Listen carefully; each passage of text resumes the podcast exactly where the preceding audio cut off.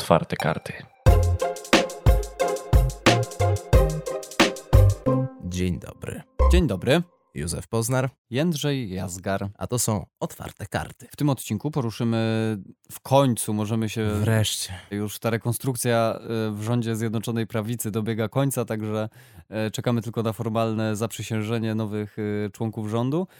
No i w końcu możemy się skupić na tym, co się dzieje po drugiej stronie politycznego sporu, czyli w opozycji, czy na opozycji. A dzieje się sporo, aczkolwiek wciąż nie jest to na tyle sporo, żebyśmy mogli temu poświęcić taką uwagę jak Zjednoczonej Prawicy. Natomiast dzieją się wydarzenia, które obecnie mogą nie mieć tak dużego znaczenia, ale za chwilę mogą urosnąć do dość sporej rangi. Mogą i mi się wydaje, że to tak naprawdę się okaże za 3 lata. Oczywiście, jeżeli nie będziemy mieli jakichś przyspieszonych wyborów, ale dopiero za 3 lata się okaże, jak duży wpływ na e, elektorat Zjednoczonej Prawicy miała ustawa o ochronie e, zwierząt. Mm, Ponieważ e, bardzo mocno za rolnikami i też mm, oba obozy opozycyjne, czyli obóz Konfederacji i obóz PSL-u, uderzają w takie tony, że ona zmiecie polskie rolnictwo, Piątka dla zwierząt, oczywiście. tak, chodzi tutaj o piątkę dla zwierząt. No tam pojawiają się bardzo mocne, takie y, nie merytorycznie mocne, ale mocne w y, takim sensie Emocjonalne. emocjonalnym, dziękuję za podpowiedź Józef, mm, argumenty. Na przykład Krzysztof Bosak, który na protestach rolników robi sobie zdjęcia z y, hodowcami zwierząt, czy Władysław Kośniak-Kamysz, który teraz we wszystkich mediach właśnie y, mówi, że on, oni stają w obronie polskiej wsi. Ja tutaj faktycznie widzę szansę y, dla PSL-u w odbiciu tej polskiej No wsi. wreszcie, mają szansę, żeby się popisać. To prawda. Okazało się, że praktyka, którą Władysław Kośniak-Kamysz przyszykował sobie na wybory prezydenckie, czyli bycie tym idealnym centrystą, tym głosem pokoju, tym odejściem od wojenek partyjnych, no to to zaowocowało tym symbolicznym 2% z hakiem. No cóż, nie sprawdziło się to. PSL musi wrócić do macierzy, czyli do walki o polską wieś. Przypominam, Józef, gdyby nie Trzaskowski, to kto wie, czy Kosiniak by nie był dzisiaj prezydentem. Andrzej Duda na następnych zawodach cię pokonam. No. Tak czy siak, Ko- Kosiniak-Kamysz pozbierał się po wyborczej porażce w wyborach prezydenckich w lipcu. No i teraz z ofensywą e, ruszają do natarcia. Ba, przecież nawet działacze PSL-u mówili o tym, że jeżeli opozycja w Senacie będzie za e, przegłosowaniem ustawy o ochronie zwierząt i nie przyjmie poprawek e, PSL-u dotyczących przepisów o uboju rytualnym, oni grożą zerwaniem paktu senackiego. no i co im to da? A on jest dość kruchy, no bo Ale co przypom- im to da?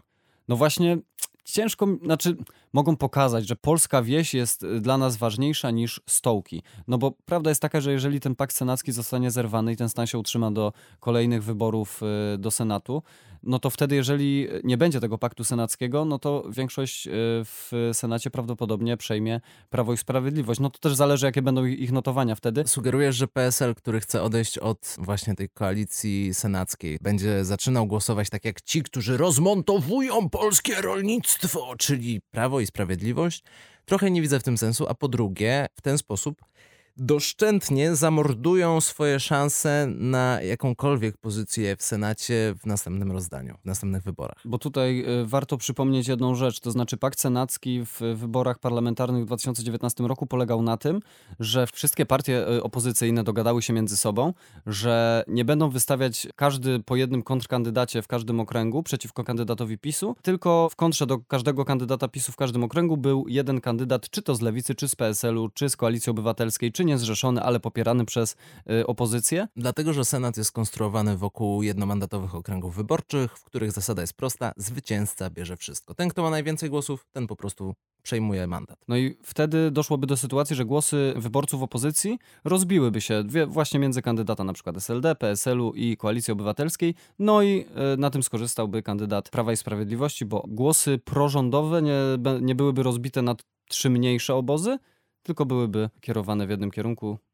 No i zostałby senator. Ja wiem, że temat jednomandatowych okręgów wyborczych już nas tak nie grzeje, jak w 2015 roku, kiedy Paweł Kukiz wychodził i mówił Jowy to jest recepta na wszelkie zło, ale niech sytuacja w Senacie w 2019 roku będzie najlepszym dowodem kuriozalności jednomandatowych okręgów wyborczych i tego, że one nie przełamią tej sytuacji politycznej, którą mamy, tylko one do, z uwagi na to, jak są skonstruowane, one dążą do zabudowania duopolu partyjnego. Duopolu, nie truopolu, nie, nie więcej, tylko dwie partie, dwa ugrupowania, to nie jest tak, że pojawi się znikąd działacz społeczny, jak to sobie wyobrażał Paweł Kukiz i nagle ludzie chętnie zagłosują na niego. No właśnie tak nie jest. To pokazują przykłady na przykład Wielkiej Brytanii, Stanów Zjednoczonych. No przecież w Wielkiej Brytanii y, doszło do tak kuriozalnej sytuacji, że partia, która miała kilkanaście procent w skali kraju, to był ten, y, UKIP. jak się nazywał ten ziomal? Nigel Farage. No właśnie. Jego partia w szczytowych momentach miała, miała kilkanaście procent poparcia w skali kraju. W y, wyborach do Izby Gmin, gdzie są okręgi jednomandatowe, ilu mieli y, deputowanych? Jednego? Nie jestem w stanie sobie przypomnieć, dlatego że wymazałem wszystkie informacje związane z Farażem ze swojej pamięci. W każdym razie, y, partia, która ma kilkanaście procent w skali kraju, czyli tak jak na przykład, nie wiem, nasza koalicja obywatelska, bo teraz wszyscy mają albo poniżej dychy, albo powyżej 20. Ciężko tutaj kogoś znaleźć. No powiedzmy, że lewica w sytuacji zaraz po wyborach. O, są wybory do parlamentu i wchodzi jeden poseł. Pomimo tego, że 15% narodu się w jakiś tam sposób y, utożsamia z poglądami tej partii, to prowadzi, znaczy już abstrahując od tego, jak bardzo to zabetonowuje układ sił politycznych w danym kraju, to jeszcze tutaj warto zwrócić uwagę na to, że y, system proporcjonalny, taki jaki mamy w Polsce, ono wiele lepiej odwzorowuje to, co obywatele myślą i jak to rzutuje właśnie później na y, rozkład sił parlamentarnych w Sejmie. Natomiast niewątpliwą wadą systemu proporcjonalnego jest to, że w jakiś sposób te proporcje trzeba przeliczyć i w zależności od tego, którą metodę się wybierze, no to te proporcje mogą wyglądać e, zupełnie inaczej. Obecnie w Polsce mamy niestety metodę Donta, która premiuje największe ugrupowania. No i właśnie na tym PiS wygrywa, ponieważ mając y, na przykład y, w ostatnich wyborach, ile oni mieli? 42%, ma ponad połowę mandatów w Sejmie. Pomimo tego, że prawie w ogóle nie było zmarnowanych głosów w 2019 roku. Alternatywą dla metody Donta jest e, metoda Sontelegi, która Tak z kolei premiuje ugrupowania mniejsze. E, Myśmy mieli tę metodę w polskim parlamencie. Do tego zaraz wrócimy. Ogólnie chodzi o to, że metoda Santelegi tam są inne y, mnożniki. Ja na, nie będziemy tutaj się w to wdrażać, bo bez wizualizacji bardzo ciężko to wyjaśnić. Mm, Natomiast y, metoda Santelegi o wiele lepiej przekłada procentowy rozkład głosów na poszczególne ugrupowania na rozkład miejsc w Sejmie i proporcje tych miejsc. To znaczy, jeżeli na partię A oddało głos 30% wyborców, to ta partia będzie miała około 30% miejsc w parlamencie. Y, Premiuje troszkę bardziej ugrupowania mniejsze, czyli na przykład partia, która miała 7% może mieć na przykład 9% miejsc w parlamencie albo 10%. No tutaj już to zależy też od y, konstrukcji y, okręgów wyborczych, to jest też dość zawiła sprawa. Natomiast właśnie z metodą Santelegi jest taka ciekawostka historyczna, ponieważ rządy AWS-u, których schyłek przypadł na 2001 rok, oni sobie doskonale zdawali sprawę, że nie wygrają następnych wyborów parlamentarnych. Co więcej, zdawali sobie sprawę, że ich polityczni y, opozycjoniści, czyli SLD, mają bardzo y, wysokie poparcie w sondażach. Więc trochę im na złość zmienili właśnie metodę przeliczania głosów na mandaty y, z metody Donta na metodę Santelegi. I SLD, y, które wtedy miało w wyborach jeden z najlepszych wyników w historii Polski, bo powyżej 40%, no nie miało samodzielnej większości, bo właśnie przez tę metodę dostali o wiele mniej miejsc y, w Sejmie, niż by dostali, gdyby były one przeliczane metodą Donta. Y, Także to jest też taki mechanizm troszkę polityczny, jak można konkurentom zrobić na złość. Dzisiaj chyba już panuje taki konsensus wśród rządzących, że zostawiamy tę metodę Donta, bo wy jesteście duzi, my jesteśmy duzi, więc lepiej, że ona będzie. Ogółem zawsze mieszanie przy ordynacji wyborczej o tym, jak powinno się rozdzielać głosy w przełożeniu na mandaty, to jest sprawa, która na ogół śmierdzi i mało kto się chce za to brać. Tam zaraz śmierdzi, Józef, no To jest pistolet, który może wystrzelić w twoją stronę, dlatego mało Tak. kto chce z tym kombinować. to prawda. E, Do metody Donta wtedy wrócono chyba rok później i zapomniano o całej sprawie. E, Ale myśmy w ogóle tutaj odeszli od tematu, zaczęliśmy No mówić właśnie, o bo my tutaj mówimy o ordynacji wyborczej, a przecież przenieśliśmy się tutaj z polskiej wsi. Tak, PSL może odzyskać polską wieś. I to jest y, myśl, z którą was y, zostawimy. Co ciekawe też Konfederacja też bardzo y, mocno się wstawia za rolnikami protestującymi w Warszawie. No i nie zapominajmy, że jest jeszcze byt niepolityczny, który gdyby spróbował zawiązać się politycznie, mielibyśmy do czynienia z, myślę, powtórką z samoobrony, czyli agrounia.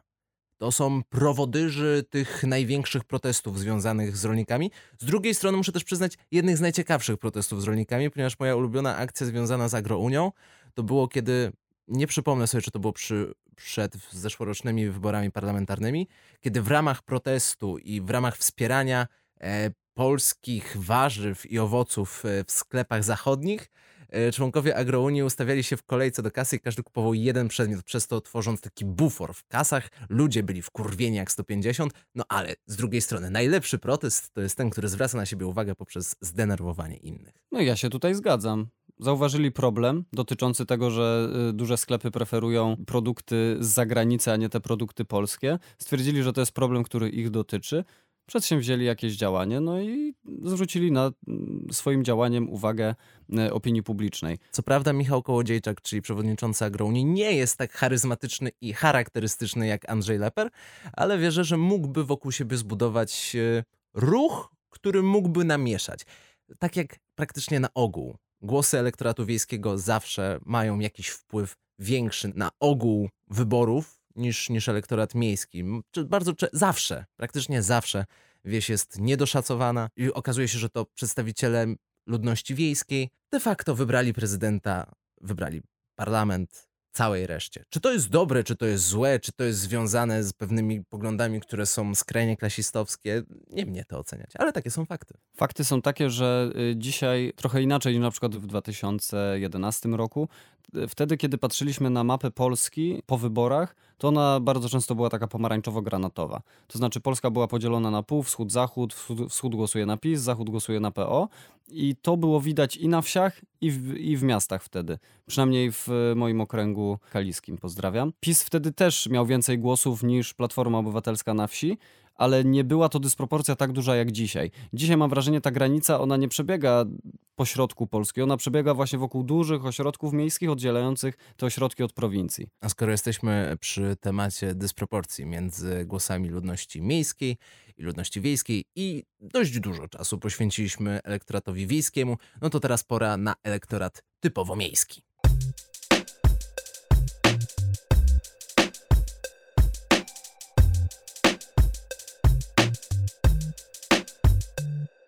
No bo pora teraz powiedzieć o nadchodzącej, nowej nadziei polskiego parlamentu, Szymon Hołownia. A w zasadzie to nie, bo będzie partia Szymona Hołowni, ale bez nie, Hołowni. no właśnie.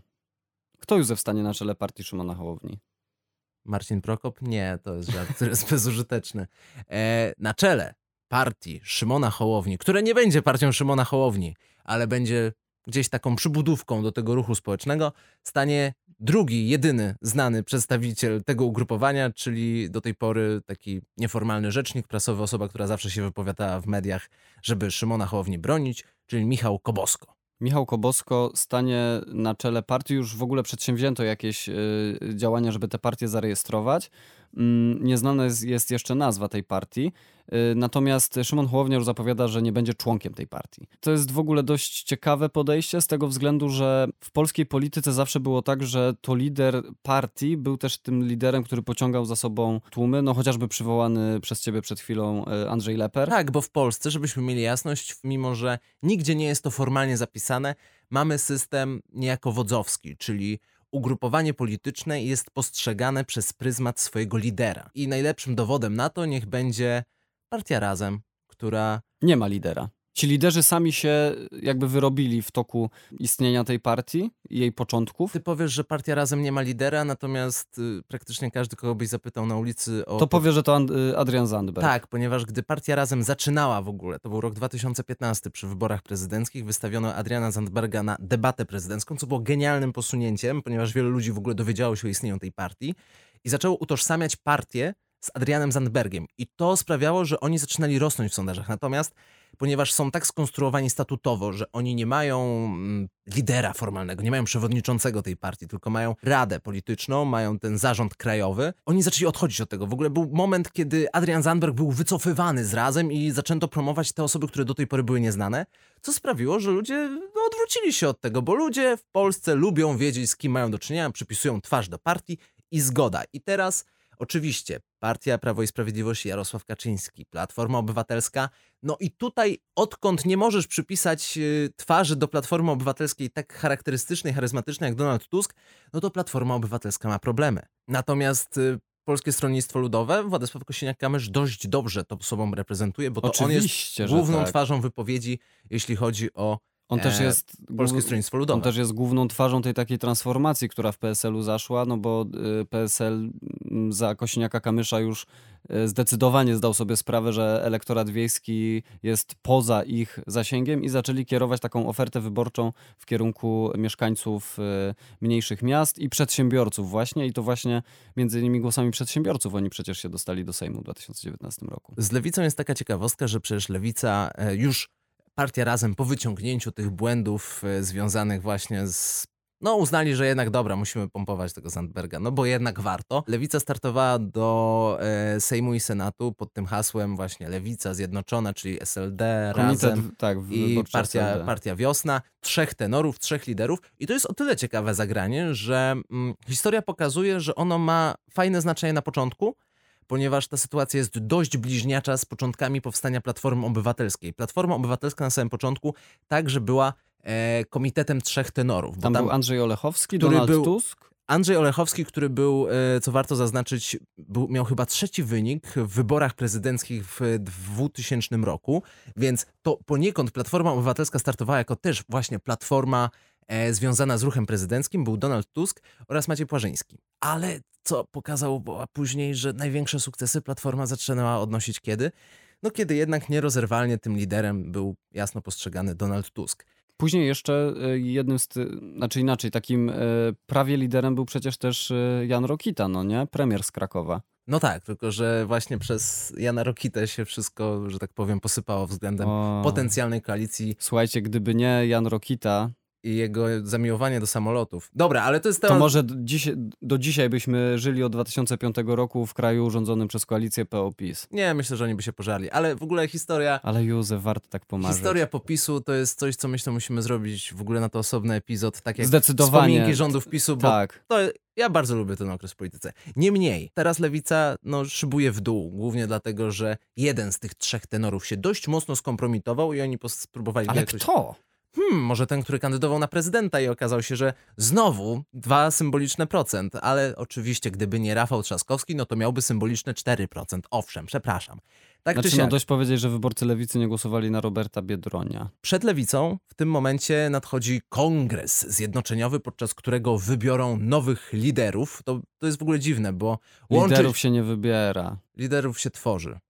Znaczy oni sami powinni w jakiś sposób się stworzyć. Owszem. Natomiast to jest trochę dziwny twór, ponieważ to Partia Wiosna łączy się z Sojuszem Lewicy Demokratycznej. Powstanie nowa partia, która docelowo ma się nazywać Nową Lewicą i będzie miała dwóch współprzewodniczących, jak konsuli Rzymu. I jeden właśnie ma być przedstawicielem, jeden bądź jedna ma być przedstawicielem Partii Wiosna, a drugi bądź druga Sojuszu Lewicy Demokratycznej, a partia razem jest tym, tą osobnym bytem ideologicznym z szóstką parlamentarzystów. Czy to przyniesie skutek? Ja chcę wierzyć. Jak się okaże, że się mylę, to, to się do tego chętnie przyznam. Potencjalny wynik lewicy i sondaże w nadchodzącej przyszłości leżą wyłącznie od tego, jakich liderów wybiorą. Jeżeli wybiorą kogoś, kto będzie charyzmatyczny, charakterystyczny bądź charakterystyczna i wybiorą kogoś, kto ma szansę pociągnąć ze sobą tłumy, to lewica zdecydowanie może wrócić na falę wznoszącą. Natomiast jeżeli tam zadecydują znowu rozgrywki partyjne i popieranie kogoś wyłącznie dlatego, że ma się z tą osobą jakieś kolegacje i szukanie haków, to ja nie widzę, nie widzę przyszłości lewicy. Ja też zauważyłem wśród wyborców lewicy ogólnie bardzo dużą sympatią cieszy się Włodzimierz Czarzasty. No on teraz gra takiego miłego, dobrego wujka, że on jest taki uprzejmy, jak prowadzi obrady Sejmu i w ogóle. I taki sympatyczny, I i, taki też potrafi sympatyczny. dogryźć. Y, Ale zawsze w taki sympatyczny sposób, nie jakiś taki bardzo uszczypliwy. Ale to jest człowiek, który ma bardzo bogatą polityczną przeszłość i on nie zawsze taki był. O, to jest człowiek, który jest w SLD od zawsze, Józef? Wydaje mi się, że tak, bo to jest człowiek, który jeszcze pamięta czasy Polskiej Zjednoczonej Partii Robotniczej. Niemniej, No właśnie, takie gierki chłodne polityczne nie są mu nieznane. On jest bardzo dobrze z tym zaznajomiony i podejrzewam, że y, stosuje też jakieś tam różne zabiegi. No przecież mi się wydaje, że wystawienie na przykład Roberta Biedronia w wyborach prezydenckich to jest czysta gra Włodzimierza Czarzastego na to, żeby osłabić jego pozycję przed Kongresem Zjednoczeniowym. No przecież wiosna teraz praktycznie nie istnieje, bo też sporo działaczy przeszło do SLD. ja pamiętam w ogóle tę sytuację, kiedy Lewica jeszcze nie ogłosiła swojego lidera, e, który będzie ich kandydatem na wybory prezydenckie i to było takie odbijanie piłeczki. I wielu komentatorów mówiło, że ani Zandberg, ani Czarzasty nie chcą się w to pchać, ponieważ te wybory i tak będą prawdopodobnie przegrane. Po co sobie niszczyć kapitał polityczny? Natomiast Biedroniowi, który... On już nie miał nic do stracenia, który bo wtedy siedział w w par- sprawie wyborów. siedział w parlamencie europejskim, Mhm. mimo że nie miał tam siedzieć, no to jemu już było wszystko jedno. No i stało się jak się stało. Natomiast y, kończąc temat Włodzimierza Czastego, który rozpocząłeś, y, nie wchodząc w ogóle daleko w jego historię, w jego zaangażowanie bądź nie w aferę Rywina, w grupę trzymającą władzę, najciekawszym motywem, y, który warto prześledzić, jest y, to, że jak w ogóle Włodzimierz Czarzasty y, został przewodniczącym lewicy. To jest ta najnowsza historia SLD i tam sytuacja była taka, Po że kim on przyjął schedę? Po Millerze. po Leszku Millerze, który odszedł w y, pełni chwały, nie, odszedł, y, no cóż, okryty dość dużą niesławą, ponieważ postawił na złego konia w postaci Magdaleny Ogórek, która była kandydatką SLD na prezydenta. No i y, cóż, jak to było mówione, sztandar lewicy należało wyprowadzić, no i Leszek Miller no, nie kandydował ponownie. I tam było w ogóle bardzo ciekawe głosowanie, z tego co pamiętam, ponieważ ostatecznie w wyścigu o fotel przewodniczącego SLD był Włodzimierz Czarzasty oraz Jerzy Wenderlich. I Czarzasty, który do tej pory nie był takim e, przedstawicielem lewicy na pierwszym planie. On nie był tak e, brylujący w mediach jak chociażby Napieralski czy Olejnicza, którzy byli przed Millerem. Włodzimierz Czarzasty to był taki, taki pan, który sobie chodził często do programu Kawa na ławę, miał zabawne sweterki, często tam się, nie wiem, zmierzał słownie z Adamem Scheinfeldem i tak dalej.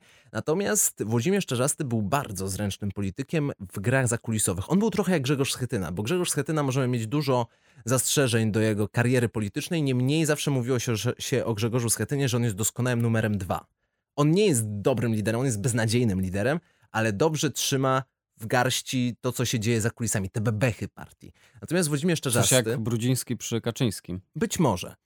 E, Włodzimierz Czarzasty był, e, z tego co pamiętam, chyba szefem struktur na Mazowszu i on doskonale się piął w ogóle w tych szczeblach lewicowych i on także doskonale umiał sobie te głosy, które początkowo nie dawały mu zbyt dużych szans na zwycięstwo w tym wyścigu, ostatecznie zmiódł Wenderlicha z powierzchni i od razu zaczął te struktury lewicy obsadzać swoimi ludźmi. Dlaczego opowiadam tę historię? Nie wiem. Wydała mi się ciekawa, dlatego że... Ona jest bardzo ciekawa, bo pokazuje, że Włodzimierz Czarzasty wcale nie jest takim sympatycznym wujkiem, który sypnie jakimś żartem e, u Roberta Mazurka. Myślę, że on jest, on jest, on ma dobry PR. Zdecydowanie. Jest jeszcze taki model polityka. Ja to nazywam modelem Cezara Klaudiusza, czyli robienie z siebie trochę takiego głupszego niż się jest, żeby ludzie cię lekceważyli. I to jest model, który reprezentuje z całą pewnością Boris Johnson, czyli premier Wielkiej Brytanii, który bardzo często jest wyszydzany, wyśmiewany i, i wiele różnych rzeczy jest mu zarzucane. Natomiast wszyscy ludzie, którzy mieli okazję go poznać, twierdzą, że to jest człowiek szalenie inteligentny.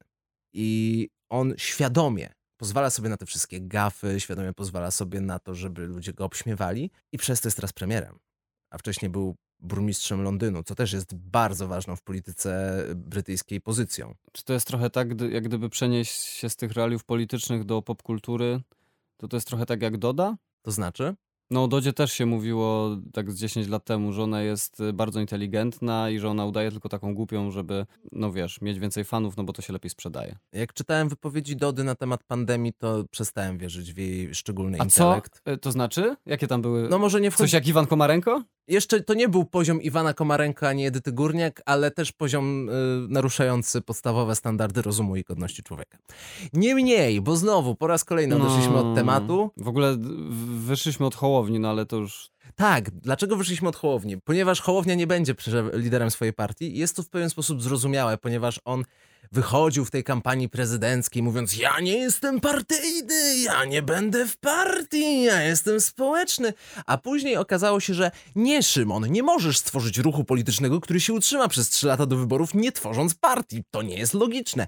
Więc Szymon Hołownia w swoim przypływie chęci posiadania ciastka i zjedzenia ciastka założył partię, której nie jest członkiem. Czy jest to logiczne? Absolutnie nie. Ale też możemy tutaj domniemywać, że może Szymon Hołownia ma jakąś taką większą wizję, że wiesz, je- jest ten ogromny ruch społeczny, który on tworzy cały czas, yy, a partia jest tylko takim jego, powiedzmy, zbrojnym ramieniem politycznym, które wejdzie do parlamentu i tam będzie zmieniać polskie społeczeństwo, ale od tej strony, no wiesz, prawnej. Dlaczego Szymon Hołownia miał tak wysoki wynik w wyborach prezydenckich? Bo ma bardzo mały elektorat negatywny. Ludzie go lubią, bo jest z telewizji, ładnie mówi, dobra identyfikacja graficzna. Ja bym się skupił na tym jednym argumencie, który przytoczyłeś, czyli ludzie go znają, bo jest z telewizji. Wydaje mi się, że największym sukcesem Szymona Hołowni podczas tej kampanii było odwrócenie swojego wizerunku. Znają go wyłącznie z telewizji i teraz ludzie go znają wyłącznie z tej kampanii. Ludzie byli w stanie się odciąć, zdecydowana część jego elektoratu była w stanie się odciąć od Szymona Hołowni, prezentera telewizyjnego i teraz to jest Szymon Hołownia, działacz społeczny, potencjalny polityk, bla, bla, bla, bla, bla. I zawdzięcza to głównie temu, że ma, i tego mu nie można odmówić, ma dość dobrą charyzmę.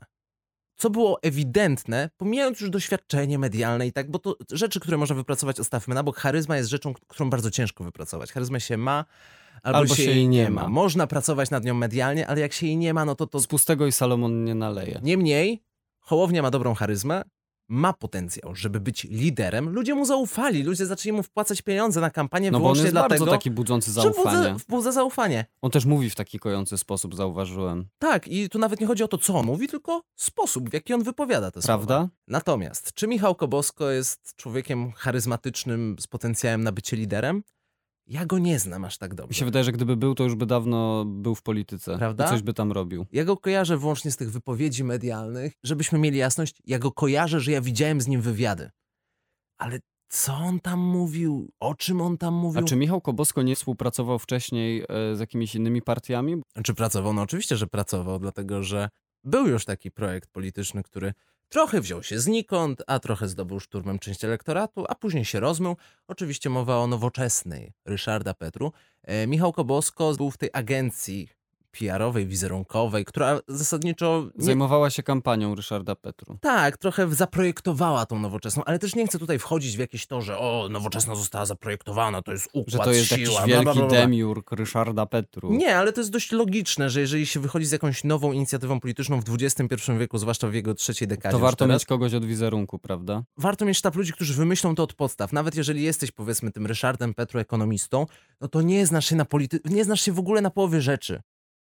Nie mówię, że Ryszard Petru się nie zna na połowie rzeczy. Chodzi mi o to, że jeżeli wchodzi jakiś nowicjusz do tej, do tej sfery, no to warto jest mieć ludzi, którzy się na tym znają i ci powiedzą o co chodzi. Michał Kobosko właśnie do tej pory był raczej na tej drugiej linii frontu. On stał za tymi ludźmi, którzy Pomagał mieli i być doradzał. Tak.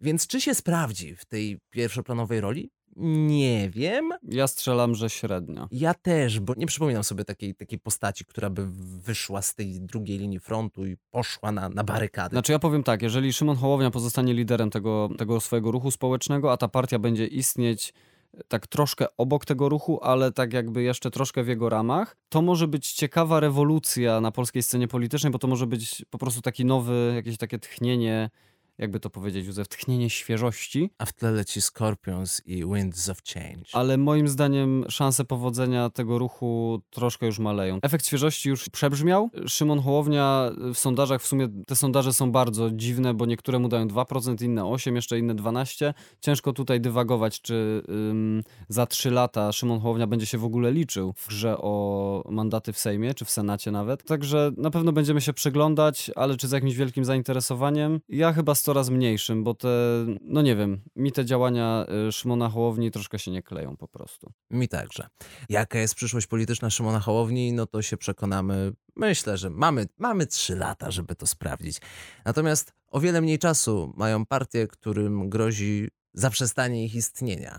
Ale o tym, skąd partie mają swoje, Pieniążki. o tym porozmawiamy sobie w następnym odcinku na bardzo realnych przykładach Konfederacji i Zielonych. Na ten czas to by było na tyle. Dziękuję bardzo, Józef Poznar. Jędrzej Jazgar, również dziękuję. To były Otwarte Karty. Słyszymy się już wkrótce. Trzymajcie się ciepło. Do usłyszenia.